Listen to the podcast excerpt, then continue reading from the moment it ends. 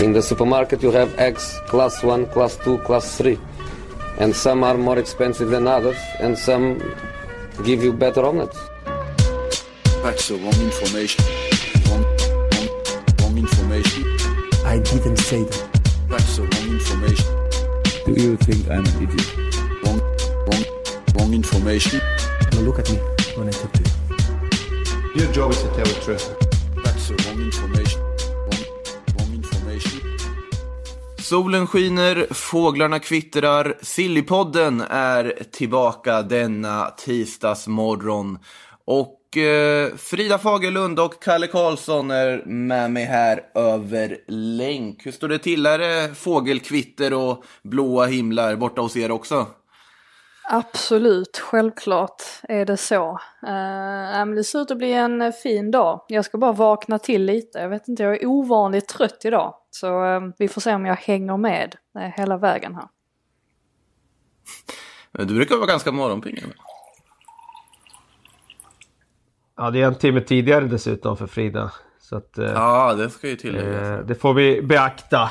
Eh, även igår faktiskt första träningen där var riktigt, riktigt sådär skönt väder. Perfekt väder, inte för varmt eh, heller utan solen sken och då var det sådär riktigt gött att vara ute och, och, och träna. Så att ehm, nu hoppas vi på fler sådana dagar. Det ser ut att kunna bli en idag. Var det god kvalitet på själva träningen också? Man frågar. Ja men det tycker jag. Eh, jag tror att alla känner lite att nu eh, börjar det närma sig här hemma i Sverige. Eh, det ska ju komma något besked här i veckan.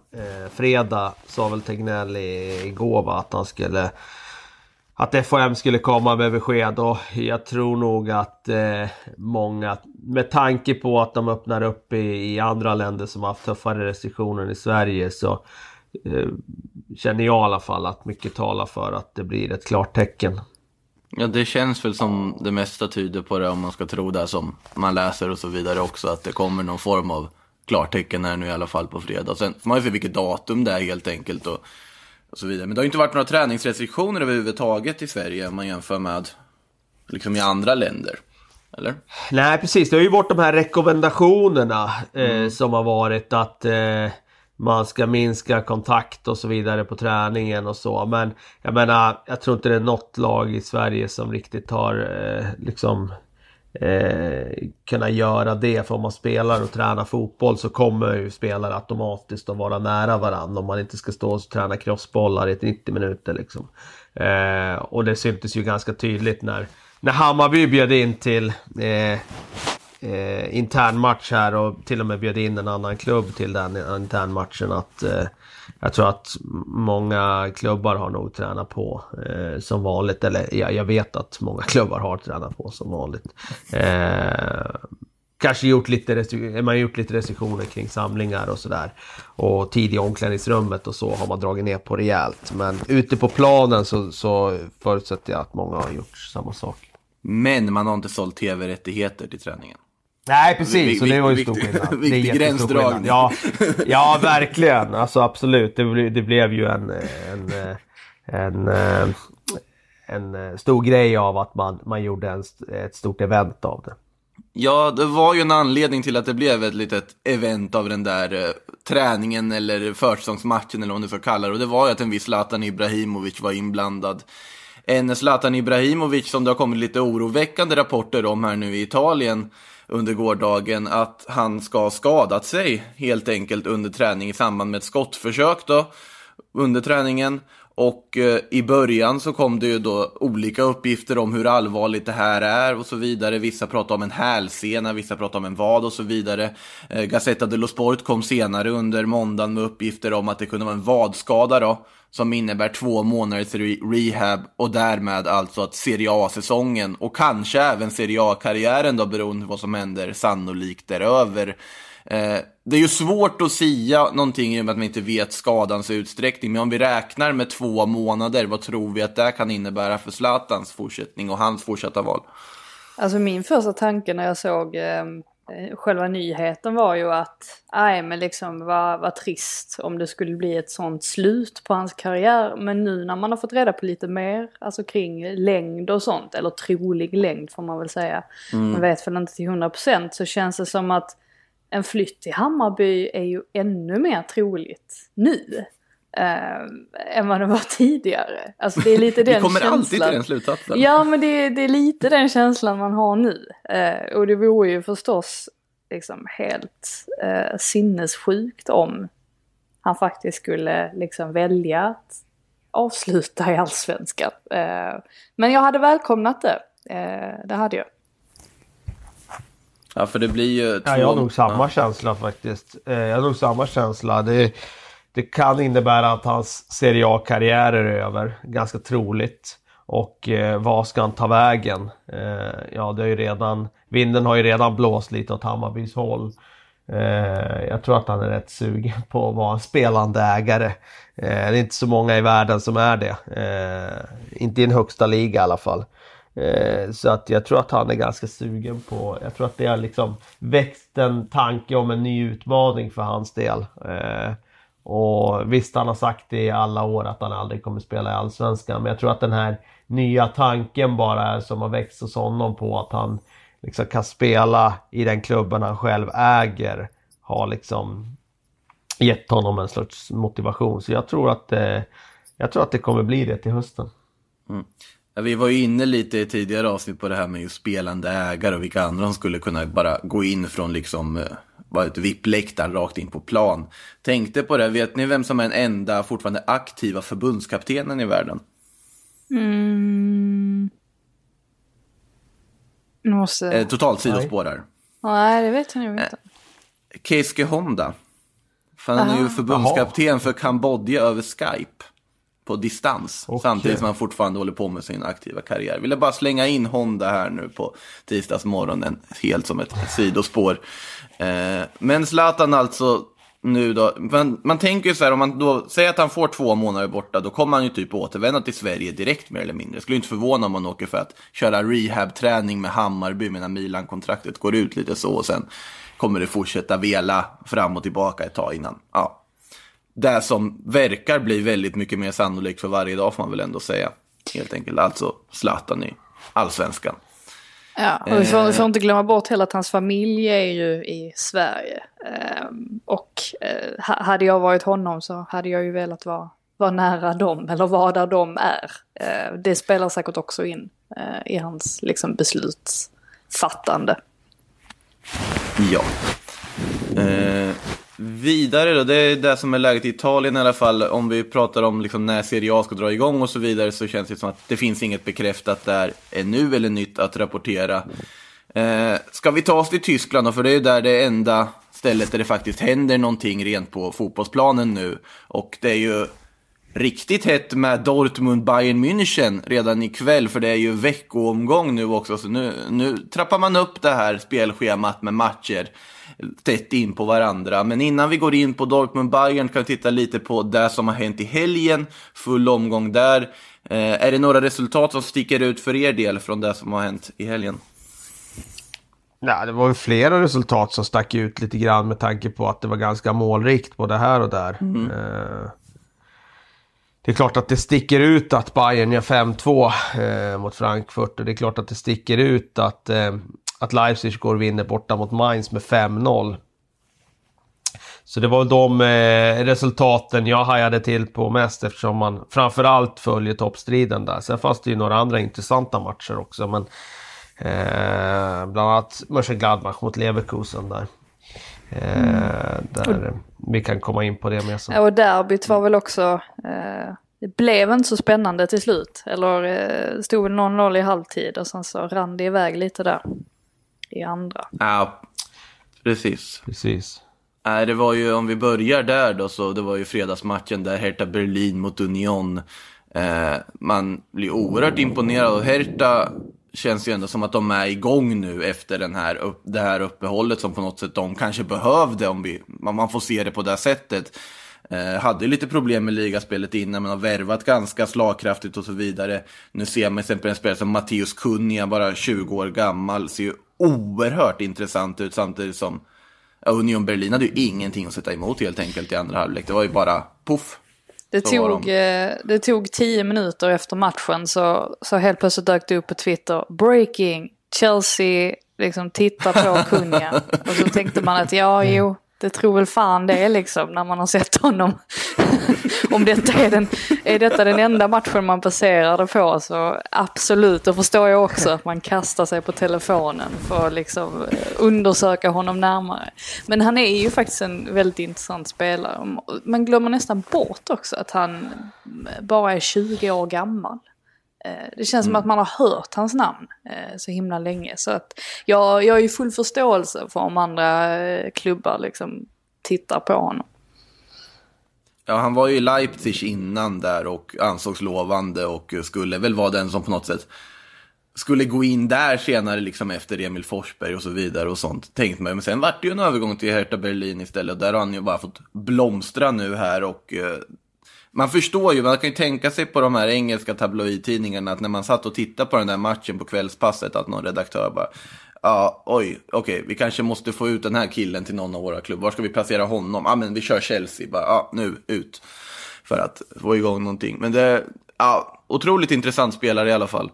Eh, och eh, på tal om intressanta spelare också, vi kan gå vidare till eh, Wolfsburg Dortmund, där eh, man har ju riktigt fina wingbacks i Dortmund alltså med Rafael Guerreiro och Achraf Hakimi. Gör ju varsitt mål här nu, visar otrolig formstyrka här och har tagit Dortmund till två segrar får man väl ändå säga. Verkligen. Eh, Guerreiro imponerade ju stort här i omstarten av mm. Bundesliga. Var ju lite, som vi pratade om, lite av ett genombrott för hans del för den stora publiken eftersom det var många som kollade på Bundesliga då som kanske inte gör det i vanliga fall rimligen borde ju de största klubbarna titta på honom för hans offensiva egenskaper är ju superintressanta. Eh, jag tycker också det är intressant att deras wingbacks gör så pass mycket poäng som de gör. Ofta blir man ju lite låst där ute på wingback-rollen och man får stå och svepa in inlägg och inspel och så. Men jag tycker de har lite mer rörliga wingbacks. Man såg på Guerreiro i den matchen jag kollade på där förra veckan att han liksom bara flyter över på den andra sidan ibland. Och eh, eh, betydligt eh, mindre låsta i sina positioner än vad andra lag är i den rollen. Så att det är nog en förklaring till att de gör en del poäng. Han kan dyka upp i lite andra positioner. Mm. Eh, så men ja, de är ju formstarka just nu. Oerhört, det ska bli oerhört spännande att se, ehm, alltså med, på tal om Dortmund, Bayern München och se Hakimi mot Alfonso Davis. Ehm, alltså den kantmatchen i matchen. Ehm, det är ju liksom två spelare återigen som är väldigt unga. Eh, och som man liksom ser en väldigt ljus framtid för. Ehm, så det ser jag fram emot i alla fall med, med kvällens match. Mm. Hakimi ska ju tilläggas att hans agent gick ut här nu i, om dagarna och sa att ja, men det blir en återkomst i Real Madrid i sommar. Eh, han är ju utlånad bara på ett så här, tvåsäsongslån från Madrid till Dortmund. Gjorde ju succé där första säsongen och fortsatt bara på den utvecklingen. Om vi tittar på det här lite, Hakimi Ser vi någon potential att han ska kunna slå sig in i Real Madrid startelva? För att det finns ju en Dani Carvajal där. Det är ju inte helt lätt lag att liksom bara gå in och ta en startplats i. Eller finns det en risk att han försvinner bort lite i skymundan? Ja, det, det, den risken finns ju såklart. Det är svårt att se att de skulle peta på Carvajal bara sådär. Eh, vad tror du själv som Real Madrid? Eh. Eh, jag har svårt att se med, den, med det CV Carvajal har i Real Madrid. Då behöver man ju, det räcker ju inte att vara lika bra. Det måste vara bättre innan de plockar bort honom. Ja, det ska ju väldigt och... mycket till. Om vi säger så. Jag tror att man kommer väl snarare rotera honom likt man har roterat in en Ferland Mendy. Nu har ju Ferland Mendy visat kanske ganska ofta att han, på andra kanten då, att han kanske borde gå före Marcello. Sett till hur bra de har spelat idag med Marcello. Ja, Marcello. men där är ju ett exempel på att han har ju verkligen varit bättre än Marcello. Exakt, exakt. Där har han ju varit bättre än Marcello. Eh, I Hakimis fall så, ja det blir ju svårt. Man såg när Odriozola kom in till exempel att Fast Odriozola var ju också så här, han kunde ju knappt försvara på ett sätt också, men det var ju också Hakimis problem på ett sätt också. Han är väldigt snabb och så vidare, men man kan bli ganska blottad i den där Real Madrid-försvaret. I alla fall om inte Casemiro är på plan. Eh, så, men så länge han får den speltiden han behöver och så vidare, vilket ju inte är säkert att han får i ett lag som Real Madrid. Så att, Äh, det är en svår situation. Jag tror att Odriozola är väl den som i alla fall sitter där och tänker att ja, jag måste nog röra mig vidare. Så typ lån till Sevilla eller någonting med någon köpklausul känns väl inte helt långt bort för honom i alla fall i sommar. Om vi säger så. Eh, tillbaka till Tyskland där då. Vi, det är ju som sagt Dortmund mot Bayern München ikväll. Bayern München laddade upp med att köra över Frankfurt med 5-2. Värt att notera att Martin Hinteregger, mittbacken i Frankfurt, gjorde hattrick, beroende på hur man ser ett hattrick då. Två nickmål och sen drog han till med ett självmål för att då fastställa hattricket. Eh, Frankfurt ser ju riktigt risiga ut. Måste man ändå säga. Nu möter de i Bayern München och, och så vidare. Och de mötte ett starkt Gladbach innan. Men det är ganska många förluster i rad nu. Om man tänker på liksom med Jovic och Haller och de som hade förra säsongen och hur bra de spelade. Som de inte har nu då. Det ser lite mörkt ut ändå. Ja, jag har ingen, jag har ingen eh, liksom vetenskap bakom det. Men jag kan bara tänka mig att Frankfurt är också ett sånt lag som skulle tappa väldigt, väldigt mycket av publikfria matcher. För deras hemmastöd är ju väldigt starkt. Även deras bortastöd är ju faktiskt också väldigt starkt. Fantastiska fans som sätter en otrolig färg på matcherna. Så att eh, de är väl vana kanske att ha lite tolfte spelare på planen eh, som ger dem lite extra energi. Och Eh, Eh, jag kan tänka mig att de jämfört med andra eh, kanske lite, lider lite mer av det här. Det är lite samma känsla tyckte jag när man eh, såg Mainz Leipzig där och Leipzig liksom bara helt skoningslöst bara kör över Mainz som inte har någonting överhuvudtaget att sätta emot. Det, det, det är ju väldigt tydligt att liksom är en del av tabellen som är betydligt, betydligt starkare ehm, eh, än än de andra. Mm. Ehm, och kanske har rätt i det där med just med stödet, publikstödet, att försvinner det så då är det ju inte så mycket kvar. Då är det ju verkligen bara liksom, eh, ja, alltså spelskickliga spelare eh, mot varandra. Och då blir, ju, blir det ju väldigt tydligt liksom vilket som är, är det bättre laget. Mm. För jag menar den Leipzig-matchen hade ju kunnat sluta, eh, hade ju kunnat sluta 7-8-0 liksom.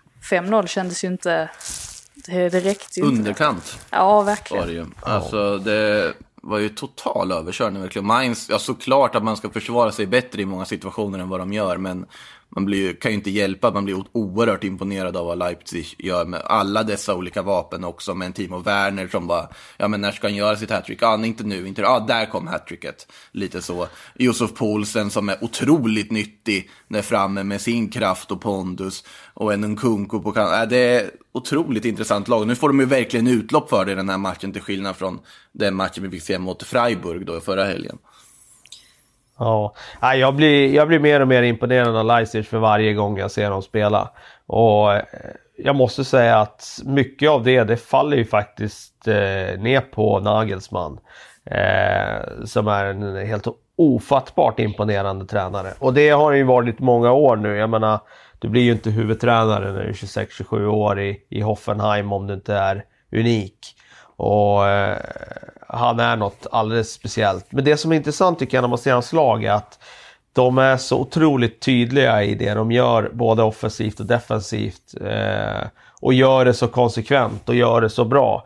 Jag jämförde lite i helgen här när jag såg Leipzig och kontra Dortmund. Så det är ju inte det man förknippar med Dortmund, men om man tittar på Leipzig så spelar de betydligt mer bollen framåt än vad Dortmund gör. Eh, det kan man säga att ja, men Mainz eh, var ju kanske sämre motstånd än Wolfsburg den här helgen. Men det ska ändå göras, det är ändå motståndare där. Och Leipzig tycker jag gör det här vecka ut och vecka in. Och otroligt skickliga taktiskt, flexibla. Den här matchen till exempel, de brukar ju spela med trebackslinjer. Nej, den här matchen spelar 4-2-3-1. Eh, och de har liksom den där flexibiliteten att de kan eh, förändra utifrån motståndet. Och de gör det och de gör det väldigt bra. Jag har blivit väldigt kär i den här mittfältaren Sabitzer nu senaste tiden. Jag, tyckte han, jag tycker han är ren klass alltså. Eh, som inte är liksom något större namn så i världsfotbollen. Men när man verkligen tittar på det han gör så, så finns det ju en spelare där som skulle kunna spela i, i större klubbar också. Och skulle, ja, skulle Dortmund nu liksom besegra Bayern eh, så ja, då har vi ju liksom fem klubbar inom sex poäng. Det är ju ganska, det är ju kul för Bundesligas del att det är så oerhört spännande där i toppen. Det är ju verkligen ingen, ingen enlagsliga som, som vissa personer påstår. Det, det kan man ju lugnt säga. Nej. Nej, inte den här säsongen i alla fall. Det har ju varit det de senaste sju åren egentligen när Bayern har radat upp titlar. Men den här säsongen är det inte det. Och min känsla har varit hela tiden att Leipzig ska komma som någon slags dark horse och knipa den där titeln. Eh, nu gick de ju kryssa där i omstarten vilket var en rejäl missräkning. Men jag tror inte det är omöjligt alltså. Eh, de behöver lite hjälp av Dortmund ikväll men eh, jag tycker de ser så jäkla smarta och, och eh, street-smarta verkligen. Eh, det är sällan man ser ett lag som är så taktiskt flexibelt som de är. Mm. Julian Nagelsmann då, vad säger vi om honom? Alltså Leipzig, sett till att man har ändå tagit sig vidare i Champions League som man har gjort, man eh, spelar som man gör i ligan och så vidare. Man får ju anses vara en toppklubb idag, men man tänker ju samtidigt att det finns ju såklart högre steg också. Vart kan man tänka sig att en Julian Nagelsmann hamnar förr eller senare?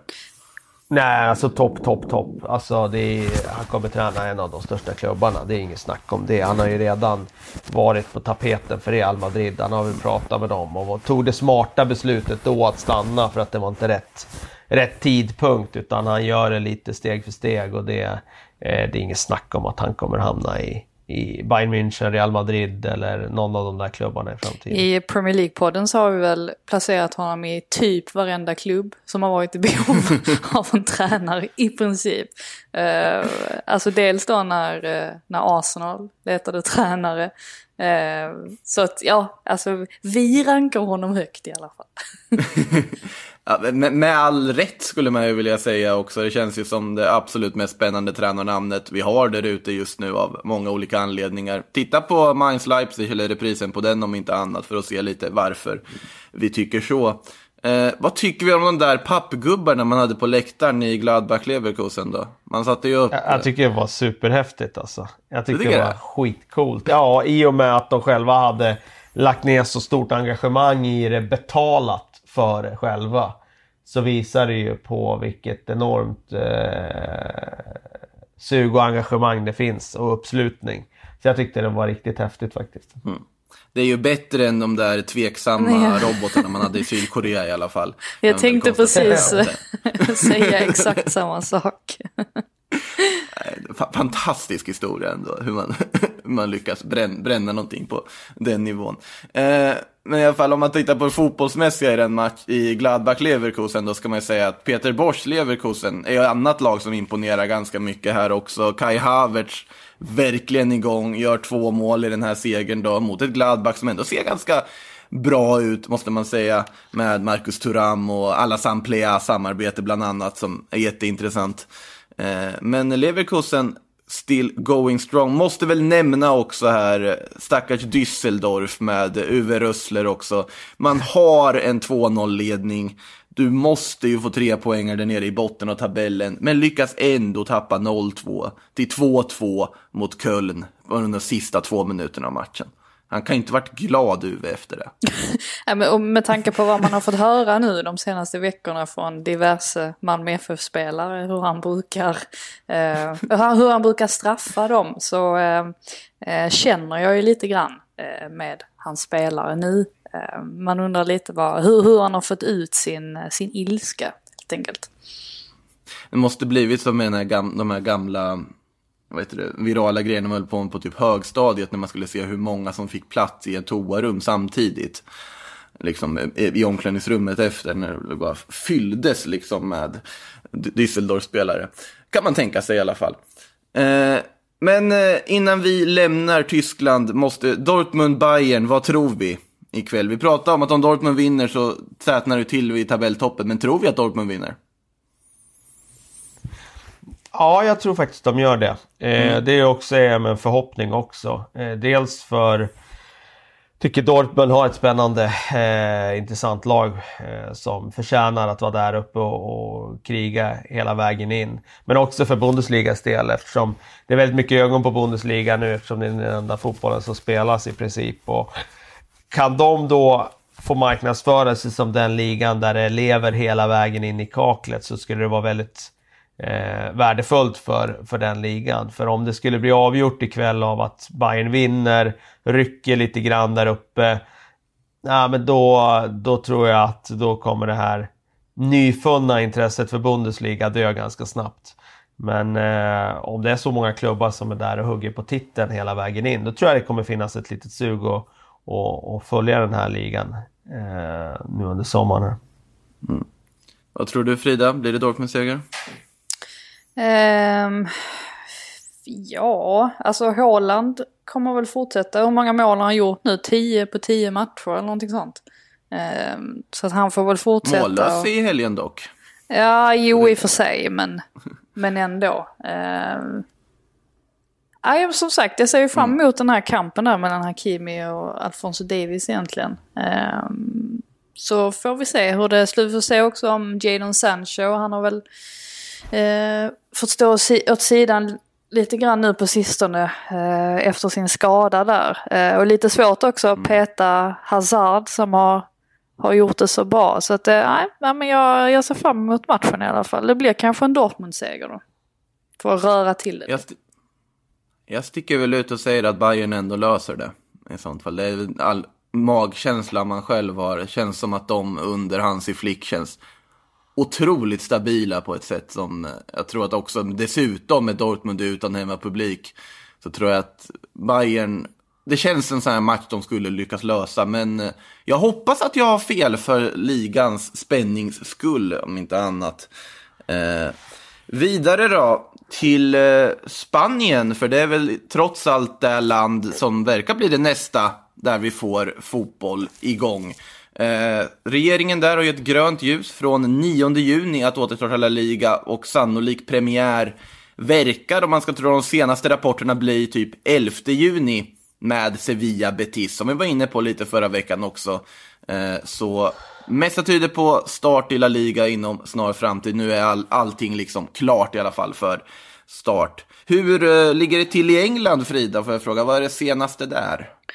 Eh, det senaste är väl egentligen att man har fått eh, grönt ljus kring nästa fas så att säga. Som jag faktiskt trodde redan var klart. Eh, och det är att man får ha närkontakt på träningarna.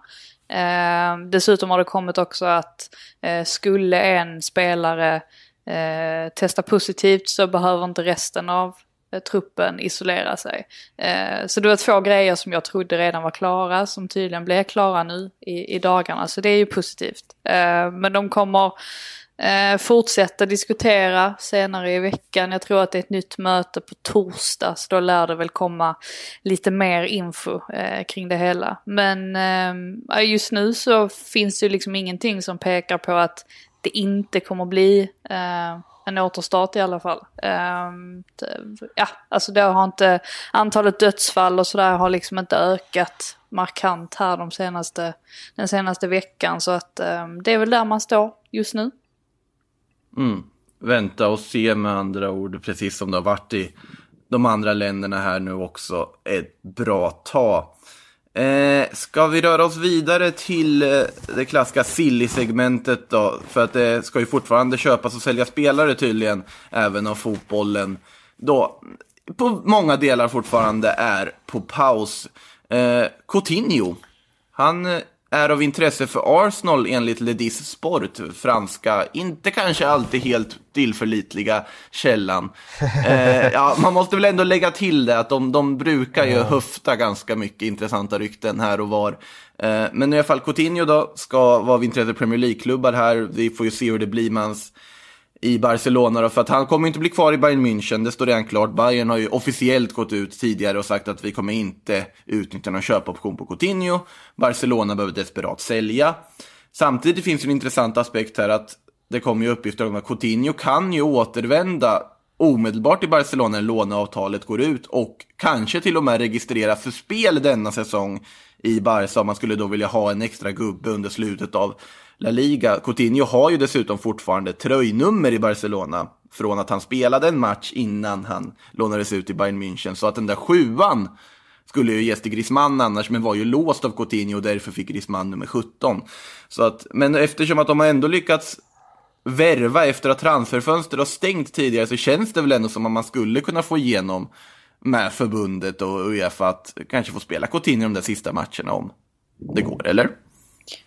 Ja, problemet är väl man får se upp eh, för den där klausulen som man eh, kanske aktiverar då. Eh, nu är det väl egentligen rätt många matcher, han kommer väl inte komma upp i de matcherna ändå eh, den här säsongen. Eh, men det, det, ser ju inte, eller det känns ju verkligen inte som att hans framtid ligger i Barcelona i alla fall. Det är nästan så att man redan har eh, räknat in honom i Premier League nästa säsong. Frågan är ju nu bara liksom, innan så har det ju i princip bara snackats om Chelsea.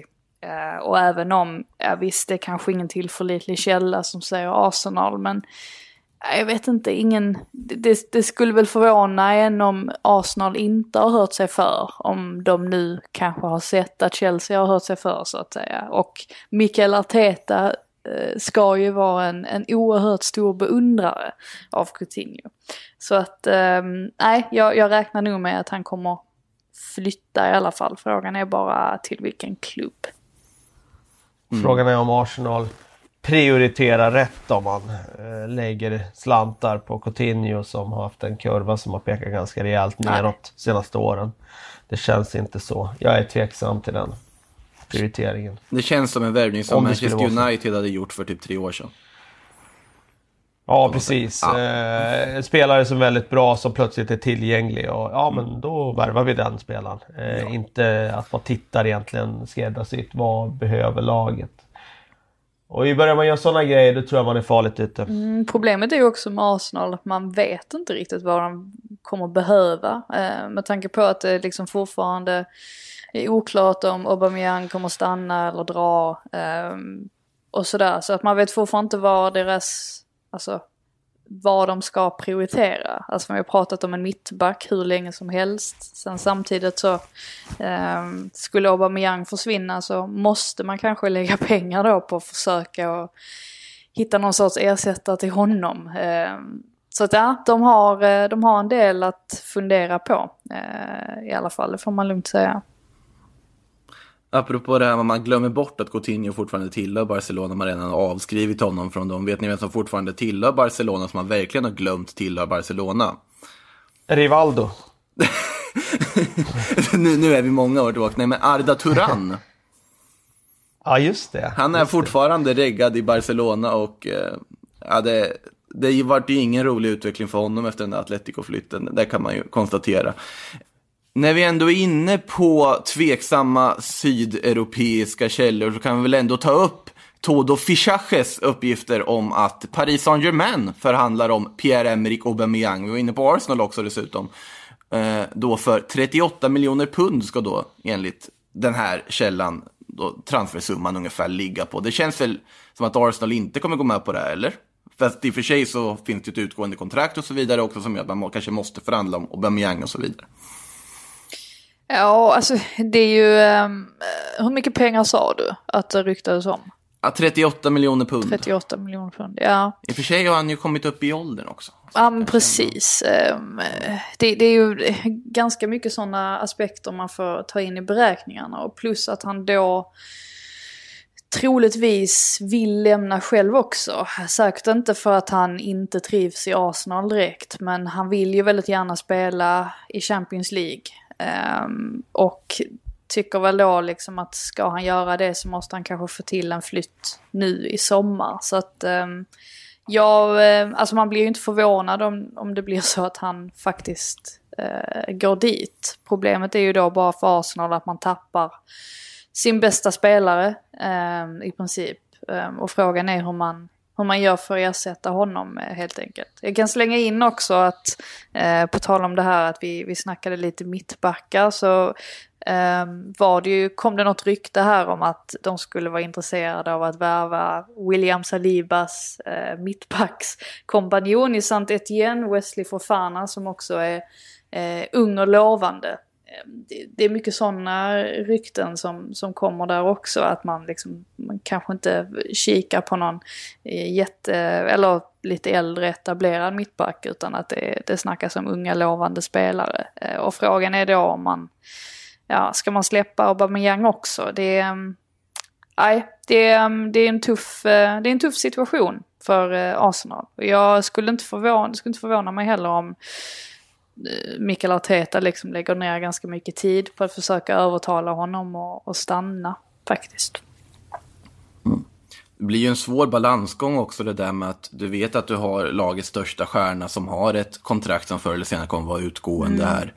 Eh, ska du börja jobba för att verkligen behålla honom och så vidare Eller och lägga all kraft pengarna. på det. Ja, eller också sitter du i skiten om du misslyckas med att försöka behålla honom också. Eller ska man redan nu börja tänka, okej vi kommer tappa honom, vi måste börja titta på hur kan vi liksom förbättra truppen och ersätta honom på ett bra sätt. Eh, svår balansgång där för Arsenal. Ryan Fraser kan man väl slänga in där också. För han kopplas ju samman med Arsenal. Tottenham kopplas han också samman med Bournemouths ytter här då. Eh, vad tror du om Ryan Fraser? Är han material nog för att gå in i ett Arsenal tycker vi? Svårt att säga. Han har en jättebra säsong för två år sedan. Eh, har haft det tyngre den här säsongen. Eh, inte minst poängmässigt. Kanske ett, eh, ett- eller en följd av att laget inte har presterat heller. Att han har haft det tuffare. Men det är inte givet nu. Han har en jättebra siffra. Han gjorde så här 14 assist eller någonting eh, för två år sedan. Och då var ju definitivt material för att gå upp i en klubb på på topp 6 och vara rotationsspelare eller backup. Eh, men eh, om man är det nu, det låter jag vara osagt. Ja, så samtidigt så eh, med tanke på att, hans, på att hans kontrakt går ut så är det ju ett bra kap på det sättet. Man har inte så mycket att förlora egentligen, eh, känns det som, på att signa upp honom. Ehm, så det, det talar väl för liksom att det, kommer, att det kommer ske. Och det verkar ju som att det är ganska många källor som, som pekar på att de är genuint intresserade av honom också. Det känns ju som, som värst som en bra backup liksom. Om vi säger så. Det, att en spelare, bra truppspelare att få in också. För en billig peng. Särskilt i ett sådant här läge där man kanske måste fundera över hur man placerar sina slantar. Så känns det ju som en sansad eh, förstärkning. Att göra. Och en spelare som inte kommer gnälla heller om han hamnar vid sidan. Utan han kommer vara nöjd med att vara i Arsenal. Eh, och kanske kriga för de minuter han får. Så att det finns ju absolut en poäng i att ta in den typen av spelare.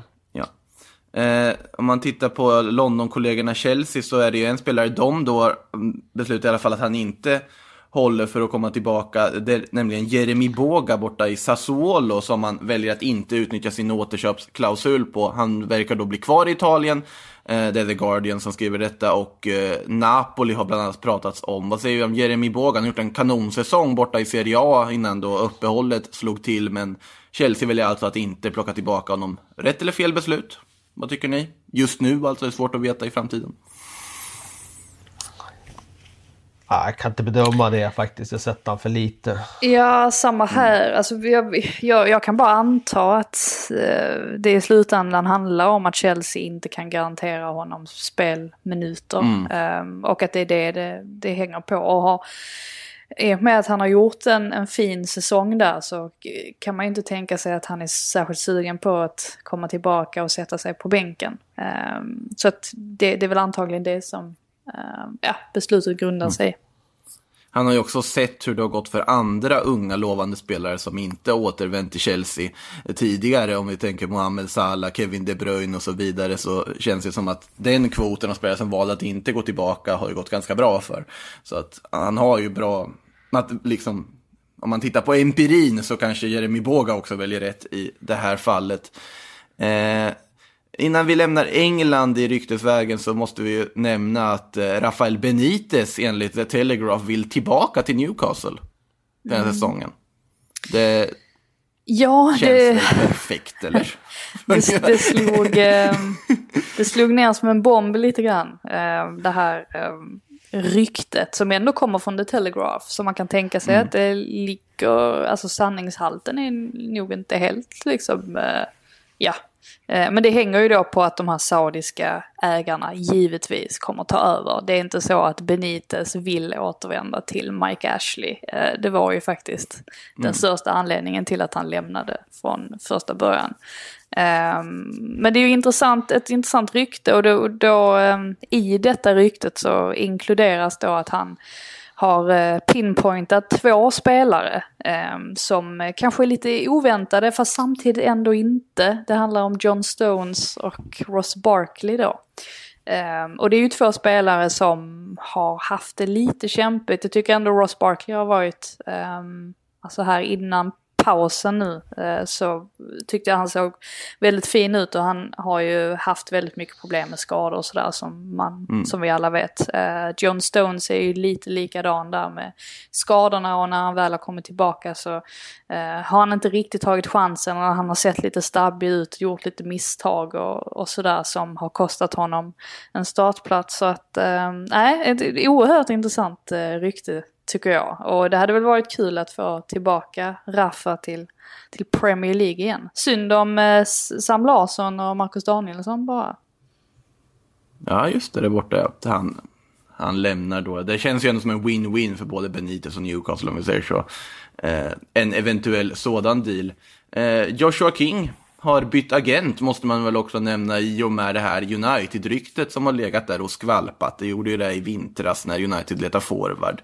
Och nu också med tanke på att Odion Igalo, om vi ska ta enligt The Times här nu, har erbjudits 800 miljoner kronor för ett fyraårskontrakt. Ett nytt då med Shanghai där han är utlånad från.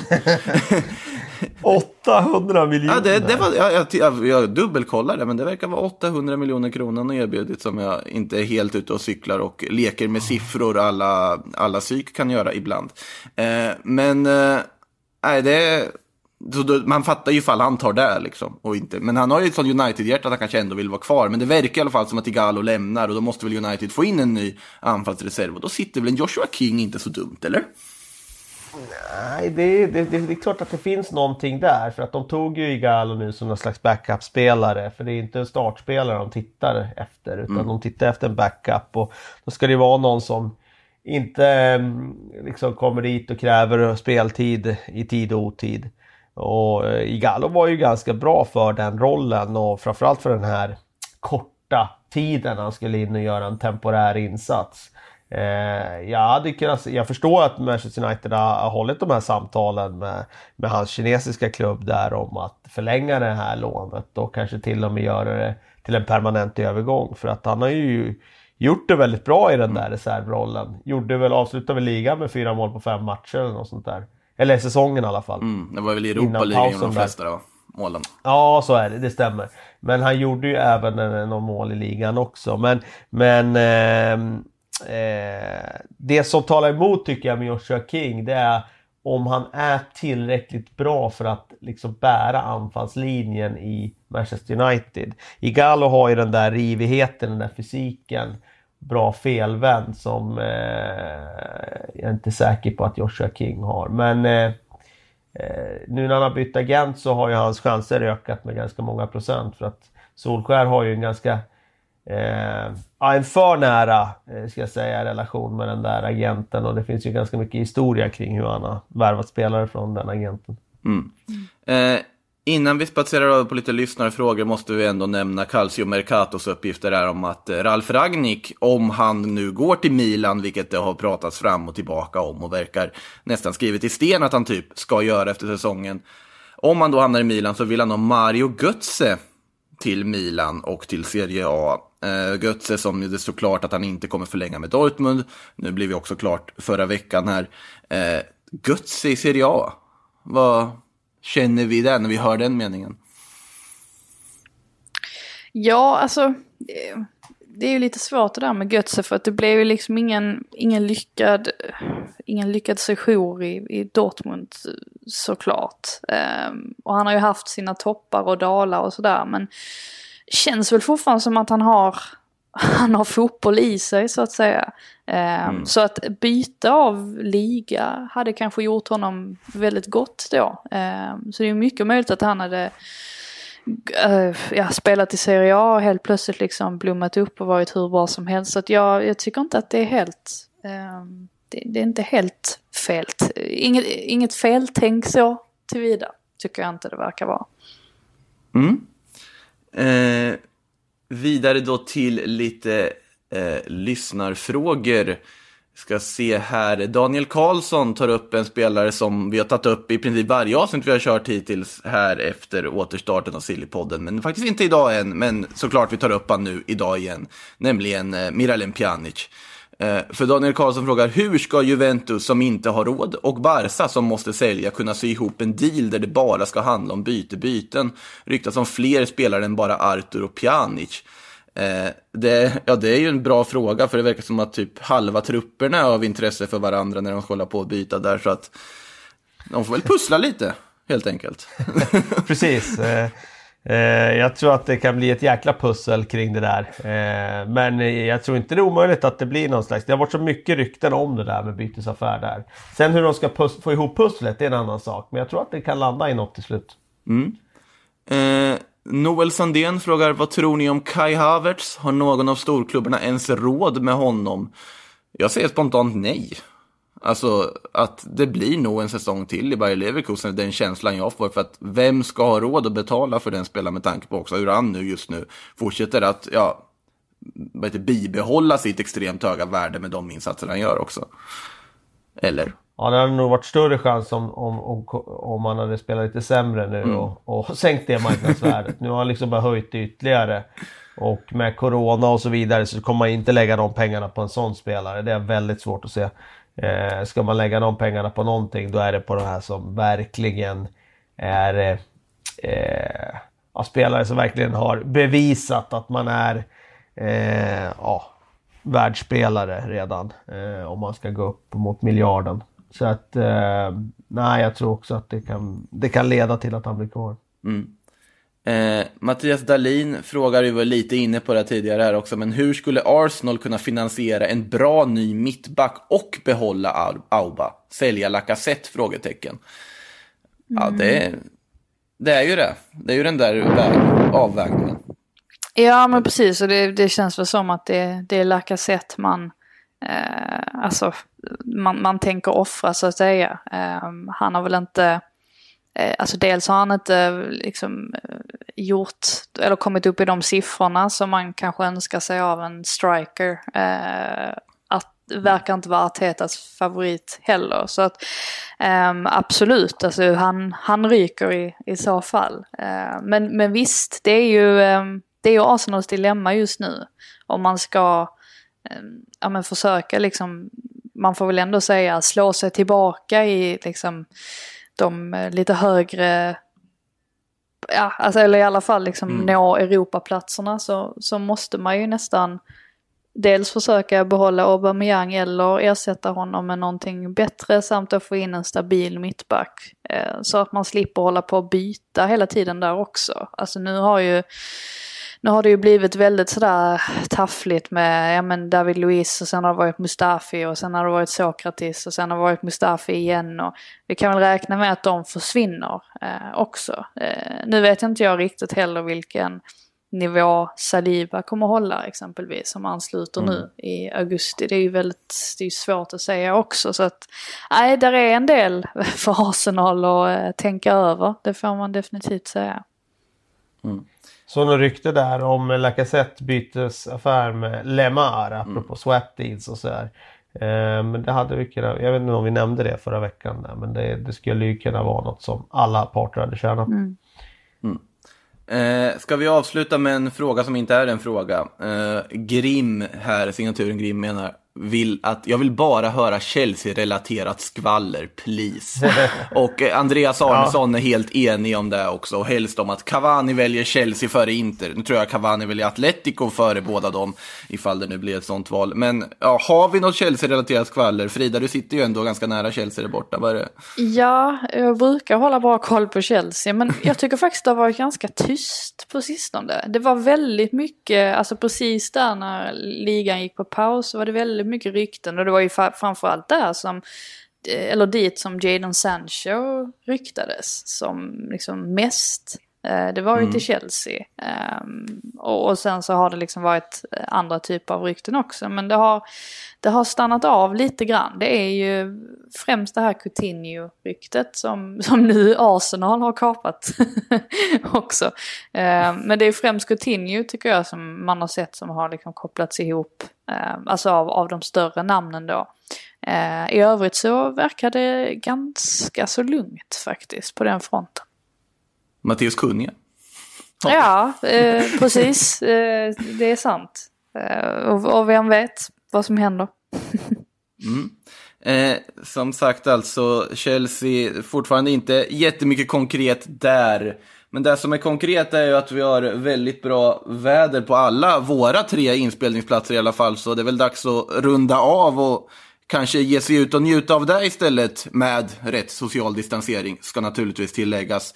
Eh, Frida, Kalle, stort tack för att ni var med idag och ha en fortsatt trevlig tisdag och det önskar jag även till er lyssnare. Ha det gott så länge, hej då!